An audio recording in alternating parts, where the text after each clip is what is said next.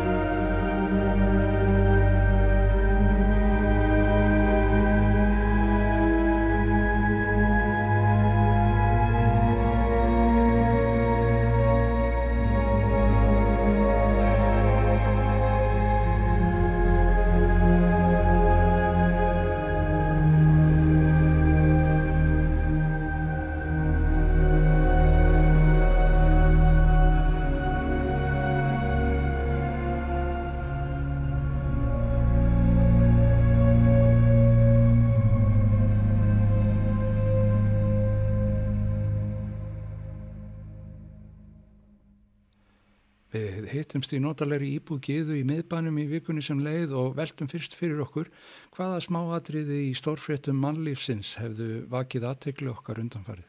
Ég bara vissi sko ekki að það væri til sko víkan trítlar fyrir en ég las það í víkan trítlarnir sko spila stór stór hlutverk. Já, þeir eru náttúrulega voru, eru gerendur í þessu máli Já. og smittrækningarappið sem er náttúrulega núna árið dating app. Það hefur ímislegt drifið á daga Geiður Valdistóttur síðan við spjöldluðum síðast saman þá um plötuna Evolution. Síðan þá hefur hún til að mynda tekið við tónlistaverlunum Norðurlandarás. Ég spurði hvort þau verlun hefðu breytt lífennar. Nei, það breytti ekki lífinu. Eiginlega, já, það hérna, hvað var í hvað, november og svo, já, svo bara breyttist lífið rosalega mikið í mars og einhvern veginn allt sem gerðist fyrir það, við sem bara hafa gerst fyrir sko Já. fimm árum eða eitthvað.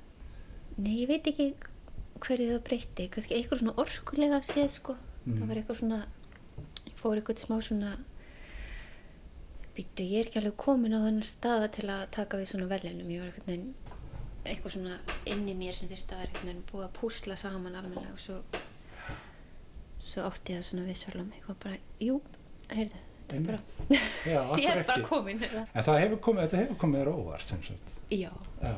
það kom mér óvart Ég tek það undir það með þér að að sko ekki að þú væri auðvitað verðu en, en ég held bara að þeir væri ekki svona vel með á nótunum. já, meinar En þetta, hefur þetta opnað einhverja dyr svona, eitthvað sem að, sem að þú kannski áttur ekki endilega vona á að opnaðust? Ég er ekki búin að sjá þær endilega Nei. hérna, jú, þetta er náttúrulega uh, eitthvað svona ákveðið frelsi sem ég fekk sem sagt Já. að, að þetta, þessi plata sem ég er að út núna ég er að gefa hún út sjálf og þessi velun þau gerðu mér það fært að gefa hún út sjálf Mm. sem er heilmikil svona vinna sem að ég ætla aldrei að gera er ekki beint að vera tónlistamæður en, en það er samt svona finnst mér gott einhvern veginn akkurat núna Mm. og þetta verður kannski bara í líka fyrsta og síðasta skipti sem ég geri það en, en já, en ég gat sem þetta gert það út af þessum velunum Já. Já. Og verið svona þinn eigin herra, kannski ennþá, ennþá meira heldur en var áður eða hvað. já, svo langar mig ekki að vera rosalega mikil herra já, mér langar í svona support og svona en, en það var Já. hérna já, það, var eitthvað við þessa plötu sem að ég vildi gera þetta sjálf bæði því að það eru svo margir sem taka þátt í henni hún var svo íslensk á hvern Mm. hátt og, og landslægið einhvern veginn í plötusölu heiminum þannig Það var bara í fréttu núna, bara í gæraldi að, að vínilplatan væri sölu hærri en geisladiskurinn í fyrsta skipti síðan bara 82 held ég. já, einmitt, já. Ég veit ekki alveg, ma maður átt að að það, er þetta góða fréttir eða? Ég já, sko fyrir okkur það er það góða fréttir það er einhvern veginn já, þess að þessar umræður sem er alltaf í gangi og maður vil alltaf vera svona hérna svona samkvæmur tíðarandanum að, að sem tónlistamæður maður er alltaf að fljúa út um allt og þegar Greta var að beða okkur um að hættum að fljúa maður fekk alveg bara illt í hjarta bara fyrirgeðu Greta að fljúa til Hong Kong og spila tónleika.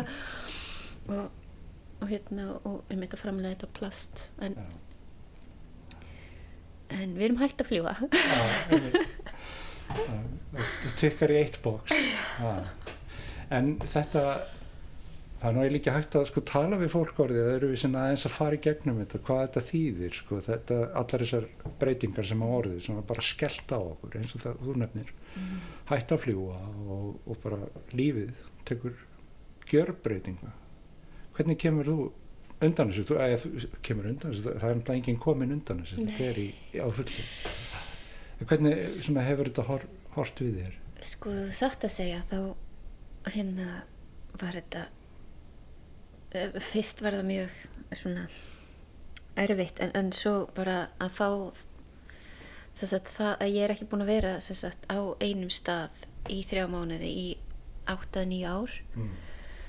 og, og ég var sagt í þrjá mánuðin íbúð í New York og, og, það, og mér fannst það bara eindislegt þeir var bara veist, eftir einhverja vikur maður bara hægt að hugsa út að við fórum ekki út fyrir dyr. Og, og ég man svo þegar ég fór svona fyrsta skipti að fara út þá var ég bara hvernig gæti ég þetta? Því þá fór maður alveg að vilja að fara út á hverjum degi en já. En var, þetta var veginn bara einhvers konar frí sem ég þurfti að halda að svona að, vera, já, að gera ekki neitt. Mm. smá tíma sko. Ég má, fyrst ætla maður eitthvað að gera strax eitthvað plötu eitthvað svo náttúrulega fer maður ekki bara í þann gýr allt í hennu en, en svo hvað tekur við þá þá finnst mér bara alltaf svo spennandi að sjá heiminn breytast og, og þú veist og eitthvað svona stórar breytingar. Ég er alltaf rosalega jákvæð bara já, heyrðu, núna getum við gert þetta betur. Alltaf hérna, leifum þessu bara að falla og Mm. gerum eitthvað miklu betra. Já. en finnst þér ástæðilega að vera bjart um að það gerist við erum svona einhvern veginn Er sko, ykkur ástæða til að vera ekki bjart? nei, reyndar ekki en, en það er einhvern veginn fólk er að með þetta við hrunið og þá var einhvern veginn, duttu við honu einhverju hólu svo þurftu við bara að koma okkur upp úr henni en nú er einhvern veginn hólan miklu óljósari og við erum kannski ekki sko, komin að hólunni eða Nei. Já, ég sé þetta svona svo allt fara á límingunum. Mér Mm. finnst það spennandi. já, Það, þú veist, það er náttúrulega alveg svona sorglegt á, þú veist, að maður skoðar einstaka tilvik og, og þú veist, og sögur og svona, en, en svona fyrir heiminn, þá bara vorum við svo rángra leið og það er bara einhvern veginn, og það þarf alltaf eitthvað, e- eitthvað svona stórt til að breyta því. Og eða, það finnst mér, en ég er kannski að það er eitthvað ofurbjart sín, en við erum, þú veist, það er engin annar, það er bara við að skapa eitthvað nýtt og, og ég óttast eiginlega aldrei breytingar. Eitthvað svona sem ég já, mér er skemmtilegast að öllu. Þannig að ég, já, sé bara til hvað Mhm. ég er búin að vera mjög heppin í ára allavega og hlakka rosalega mikið til að spila aftur náttúrulega. Já, einmitt.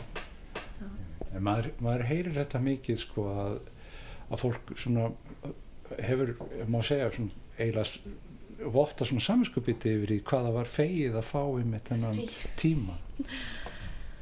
Já, við kannski bara þurftum öll að stoppa aðeins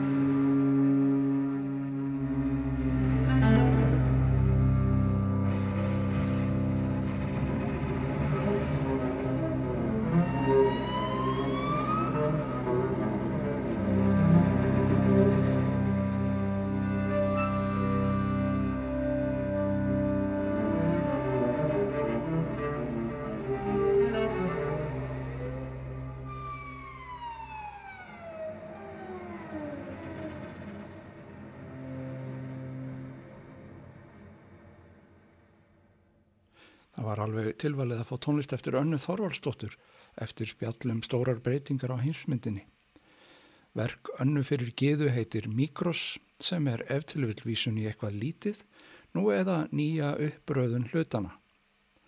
Augverka eftir skúla og önnu er á plötunni tónlist eftir Maríu Huld Markan Sigfúsdóttur, Úlf Hansson, Kjartan Sveinsson, Jónsa, Daniel Bjarnason og Ólufu Arnalds.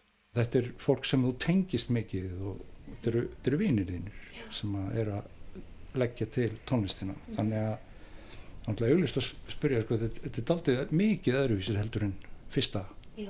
það er ekki?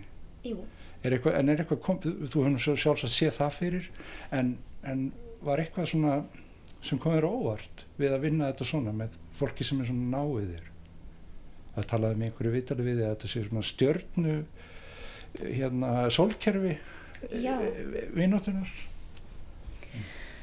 Já það er eitthvað svona mynd líka kofverið á plötinni mm. er hérna eftir listukonu sem heitir Rachel Garrard og þetta er að mynd af stjórnunum og það er búið að draga sagt línu frá einni stjórnu í stjórnunar mm. í, ja. í nákvæminu og já og þannig að á einhvern hátt á svona já, komur ekki beint að óvert en hún varð miklu persónlegur en ég held mm. fyrst var ég eitthvað já, heyrði, nú ætlum ég bara að vinna með lifandi tónskáldum og svo var ég, já, ég vildi vinna með fólki sem væri svona á mörkunum væri, þú veist búin að læra klassíkan var einhvern veginn að leika sér ja. búin að annarkort í báðum heimum eða búin að bara búa sér til sitt eigið rými mm. og, og svo einhvern veginn bara svona þrengtist þessi ringur að, að þetta, þú veist, ég fann strax svo marga á Íslandi og svo var ég bara, já þetta ætti bara að vera íslensk platta og svo komst ég einhvern veginn að því að vá, ég er búin að þekka þetta fólk allt í 20 ár og, mm. og, og svona til að byrja með þá var ekkit hugmyndin að hún væri svona hún væri mér svona væri mér svona nærri. Hún gengi svona nærri. Já, en en nú þykir mér svona vænt um það. Vist, fyrst var ég bara eitthvað svona, já, mjög prof, svona professional, en mm. já, það, já, þessi passar inn í. Pantaverk frá hún já. já, og það snýrist um að leifa bara, þú veist fólki að ráða nákvæmlega hvernig það vildi að samstarfi væri. Mm. Með mig í huga því ég er ekki, þú veist, klassískur selvoleikari eða þú veist, þannig að það er svolítið svona órætt hvað, hvað það myndi vera sér sett mm. og já, sem sagt og já, fengu allir bara að ráða því. Mm. þannig að ég svo sem vissi ekki endilega hvaða í hvaða átt það myndi fara. Nei, en, en sko, eins og ég var að nefna við þá, þá finnst mér nú einn stór kostur við hana, það er einhver svona heldarsvipur, það er ef maður vissi ekki betur þá getur þetta verið bara verk eftir einhvern einn ef maður gengur svo langt Já, sko. Já, en, mér finnst hún, hún ganga sérstaklega alveg mikið hlut af henni sko, er svona einn kurva Já. en þú varst að tala um að, að þú hefur ekki ráðið neinu Nei, þannig að það sé ekki ekki, þú veist ég valdi fólki en svo hvernig það vildi vinna með mér hversu mikið mm. samstarfið var, hvort við söndum saman eða þau letið mig fá eitthvað eða ja. það var algjörlega í þeirra höndum ja. og, og hvað ég fekk þá þú veist, var náttúrulega líka ja, já þannig það var mjög áhugavert. Það var svona, já. Svona, ég man, svona rétt árið ég kláraði og var ekki komin með öll verkin og, og þá var ég smá svona stressu hvað þetta á ekki eftir að virka þetta á ekki eftir að verða einhver heilt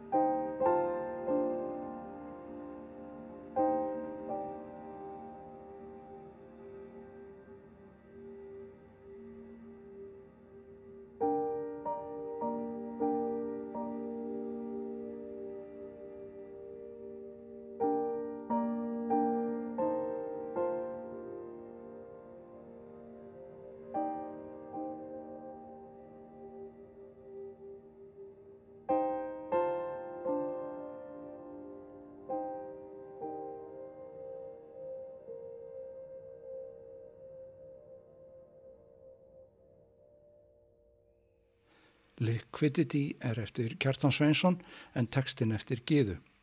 Það eru Julian Sartorius, Aaron Roche og Shazad Ismaili sem spila með þeim á trommur, gítar og bassa. Kjartan er eins og kunnut er fyrir reyndi liðsmaður Sigurósar og það er annar stolt meðlumur þeirra hljónsutar sem kemur við sögu á nýri blötu Gíðu Valdistóttur. Já, Jónsi var síðastur og, og það, það einhvern veginn mitt að vantaði eitthvað vantaði eitt í viðbútt og ég var einhvern veginn heima hjá hann í Los Angeles og, og spurði hann hvort hann vildi vera með og hann bara já og fórum bara næsta dag og tók það upp og, og hann endaði svo að mixa plötunum með mér. Mm. já og það það svona var síðasta verki sem kom og, og hérna allt önnur orkan í Já, nokkur öðru og, og, og ekkit endilega það sem að maður geti einhvern veginn myndi fyrst búast við. Nei, en mér fannst það svo mjög skemmtilegt og mér fannst það svona einhvern veginn ok, núna passar alls saman. Mér fannst það púst þessu svona. En var hann þá búin að heyra hitt sem var komið? Nei, Nei hann það heyrði enginn neitt eða Ha. vissi enginn neitt hvað Já. þeir voru að gera. Aðtilsvert. já. Ah, en svo meðan ég var að klára hana þá var hann alltaf að spurja hérna, já, má ég heyra eitthvað? Og, já, og fór svo að mixa það og svo endanum þá flög ég til Los Angeles að klára með hann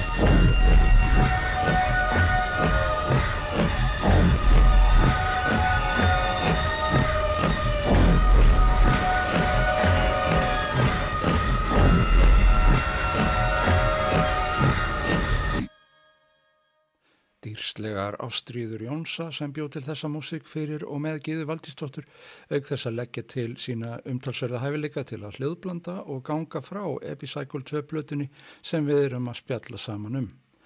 Þetta lag heitir Evil Lamina.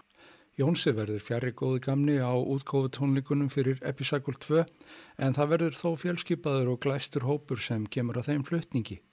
Að minnstakosti þrýr höfundar verka á plötunar koma þar við sögu því Kjartan Sveinsson, Úlfur Hansson og Skúli Sverjursson munu þar stíga á stokk með Gíðu og Magnúsi Tryggvarsinni Eliasen, trómuleikara, Daniel Fridriki Böðvarsinni gítalegara og söngurunum Ástildi og Kristínu Önnu Valdistætrum.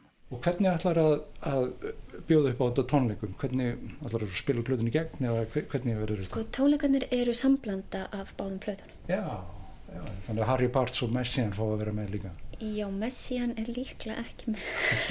Það er ekki búin að halda Messian alveg bara inn út, inn út. Já. Það er nefnilega, já, er ekki hlið á tónleikunum, mm -hmm. það má ekki. Nei, nei. Og þannig að það þarf að stýtta þá eitthvað. Og já, þannig að þetta er ekki alveg öll verkin á nýju plötinni og ekki allar gamlu plötinni en hérna einhver svona góður pakki já, já en Harry Parts verður Það er nú maður á nú eiginlega vera búin að læra að sko veri ekki að spurja fólk hvaða allar að gera næst en það er svona, það er forvindinlegt sko hvernig þetta ástand leggst yfir fólk, ertu kveikir þessi plata einhverja nýjar hugmyndir og öðruvísi eða ertu bara að njáta núna og kvíla þig og spila tónleikana og hugsa ekki um eitt annað, hvernig er þetta? Nei, ég er byrjuð á nýri plötu og rosa spennt að að vinna henni og, og ég hef yfirleitt verið svo mikið að vinna að ég, þegar ég er veist, að vinna á mínum einn plötum það er nánast svona einhver aukavinna, veist, ég, ég setja mjög sjaldan í forgang bara, veist, og, og það er einmitt kannski ef ég minnist eitthvað á, á þessu velun þá, þá, þá hef ég bara ekki verið aðstöð til þess. Mm. en ég er einmitt spennt fyrir þessu þessum vetri einhvern veginn að eiga þennan tíma til að mm. svona já, til að svona vinna svolítið hardt að næstu blötu ja. og til að gefa mér góðan tíma já, en mér finnst hún mér finnst ég á mjög spennandi stað bara svona innræð með mér og og ég veit ekki hvort Epicycle 2 hafi einhvern veginn haft einhver áhrif á það því að um, það er þetta svona að sleppa tökunum sem að maður þjálfar mm, eða hver einsta plata er fyrir mig að sleppa tökunum já. þjálfu já, okay. en þessi svona var það sérstaklega og, og, og, og það er eitthvað við hana sem ég finnst núna eitthvað svona frelsi til að gera næstu plötu með minn eigin tónlist mm. eitthvað svona já hún má líka vera alls konar já, já, já. Er það, en er það sko, er það framhald af evolution eða bara eitthvað allt annað? bara framhald af bara lífinu? lífinu verður framtíðin já já það er bara eitthvað neinn ég veit ekki hvað framhald þýðir í rauninni en, en, en ef ég svona fyrir mig þá var Evolution svona eins og lítill kaplið þetta var svona, ég var alltaf búin að mikla svo, miklað svo mikið fyrir mér að gera plötu svona að segja svo stóra sögu eða eitthvað svolítið mm. og, og ég lefiði Evolution bara svona að vera lítill kapli var ekkert að ætlast eitthvað. Að þú veist, of mikið til af henni.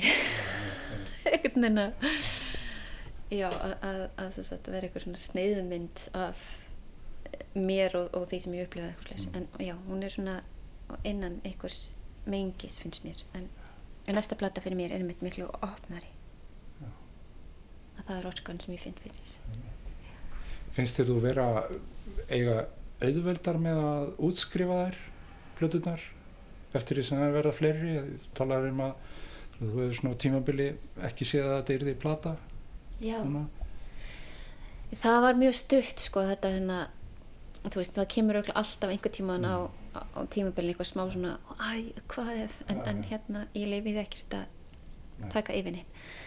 En já, ég var með mjög mikið tröst fyrir, fyrir þessar plötu og, en, en fyrsta platan ég reyndi eins og að gera plötum kom aldrei út.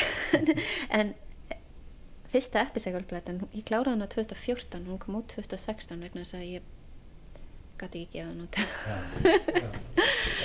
Og náði ekki alveg þú veist var ekki alveg nú ánað með eitthvað og, og þannig er hún miklu betri að klára og, já, og gefa út. Það stefnir í að vera bara plata á mánuði. Nei, Nei. ég er ekki þannig. Ég er frekar hæg sko, finnst mér, svona miðan við. Um, en hver veit núna þegar maður er einmitt miklu minna að flakka um heiminn og spila hvað Mm. hva gerist Já, já, einmitt. En verður, sko, sko sapnaru efni eða hvernig, hvernig byrtist þetta þér? Ertu, sko, ferði í einhvern gýr og býr til fullt af músík eða byrjar bara ákveður allar að gera plötu og byrjar bara hér að laga eitt og hvernig er ferli? Er eitthvað ferli? Nei, ég er ekki með neitt ferli Nei. Það er einhver svona banki af gamlum lögum og hugmyndum sem ég stundum kiki í. Já. en já, ég einhvern veginn einmitt, ég gerir svo margt ólíkt og ég er ekki með svona eitthvað þú veist einhverjar aðferðir. Og stundum með þess að finnst mér ekki endilega kunna eitthvað setjast niður og semja lag. Eða þú veist, þarf það að vera lag eða, veist, já Já, já. það er svona stundum bara einhvern veginn gerist ég veit ekki en einmitt, núna kannski ætla ég meira að setjast niður og sjá Já. hvað kemur meira reglulega en en það er eitthvað svona evolution var svona ferli sem að ég ákvaða að fara í því ég gerði þá plötu sem að mm, eitt svona kom mjög stert til mín og, og á mjög sérstakann hátt st- sterkar en ég hef nokkuð tíman upplifað áður svona eins og svona rödd utan aðkomandi rödd og, og, og ég fann svona hvernig maður gætt flætt með því og leift einhverju þetta er svolítið að tala í gegnum sig Aha. og ég ákvaði að vinna þá plötu þannig þannig að ég var ekki svona að þú veist, ég tók öllum svona hintum svona ég var ekki að gaggrýna mér mikið og, Já. og, og, velta hlutunum fyrir mér hún, hún gerðist mjög hratt Mm. en núna ætla ég að leiða mér að velta hlutunum fyrir mér og Já. snúðum og kvolf og prófa og svona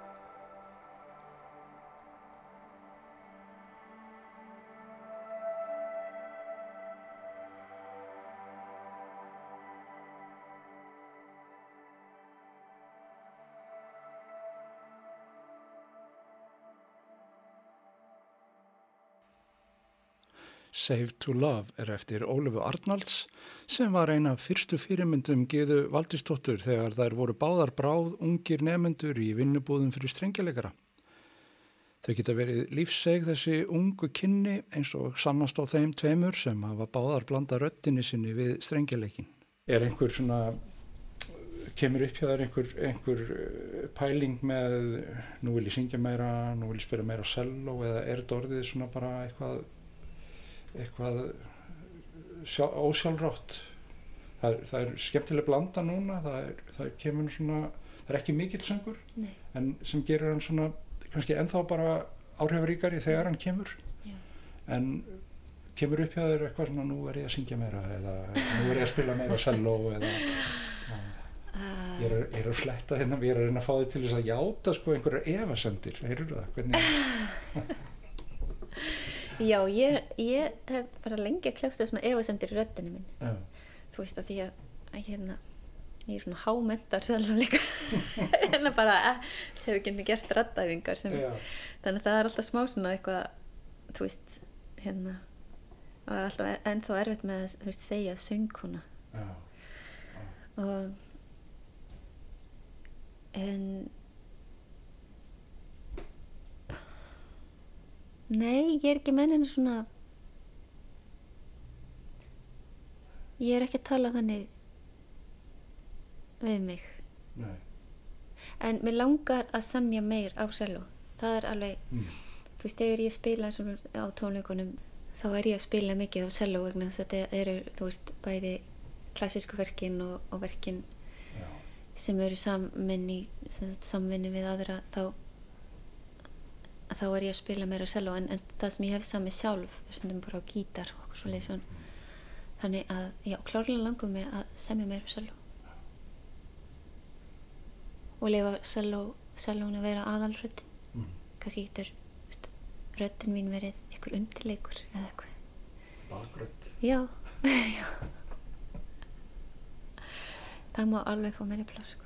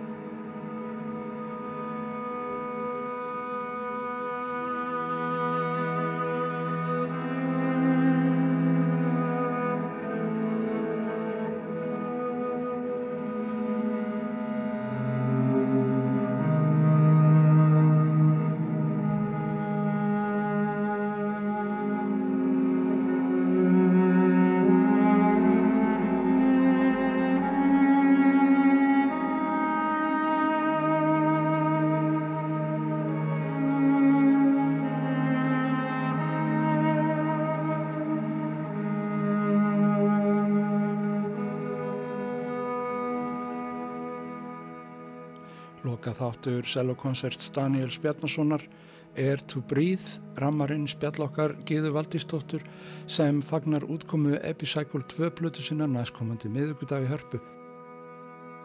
Það verður áhugavert að fylgjast með því hvernig þessi spennandi hljóðheimur heldur áfram að þróast. Takk fyrir spjalli Gíða, takk fyrir að hlusta hlustundur.